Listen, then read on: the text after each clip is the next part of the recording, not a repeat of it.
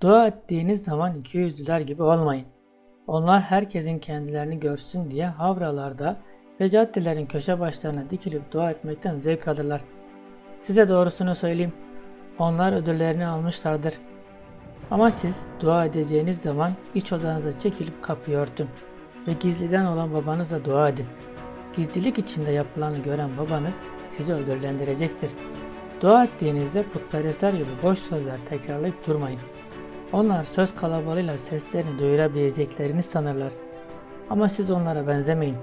Çünkü babanız neler gereksininizin olduğunu siz daha önden dilemeden önce bilir.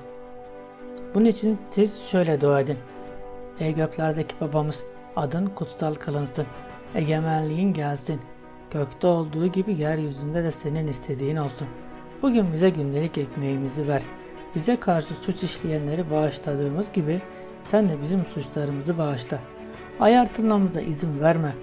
Bizi kötü olandan kurtar. Çünkü egemenlik ve güç yücelik sonsuzlara dek senindir. Amin. Başkalarının suçlarını bağışlarsanız göksel babanız da sizin suçlarınızı bağışlar. Ama siz başkalarının suçlarını bağışlamazsanız babanız da sizin suçlarınızı bağışlamaz. Amin.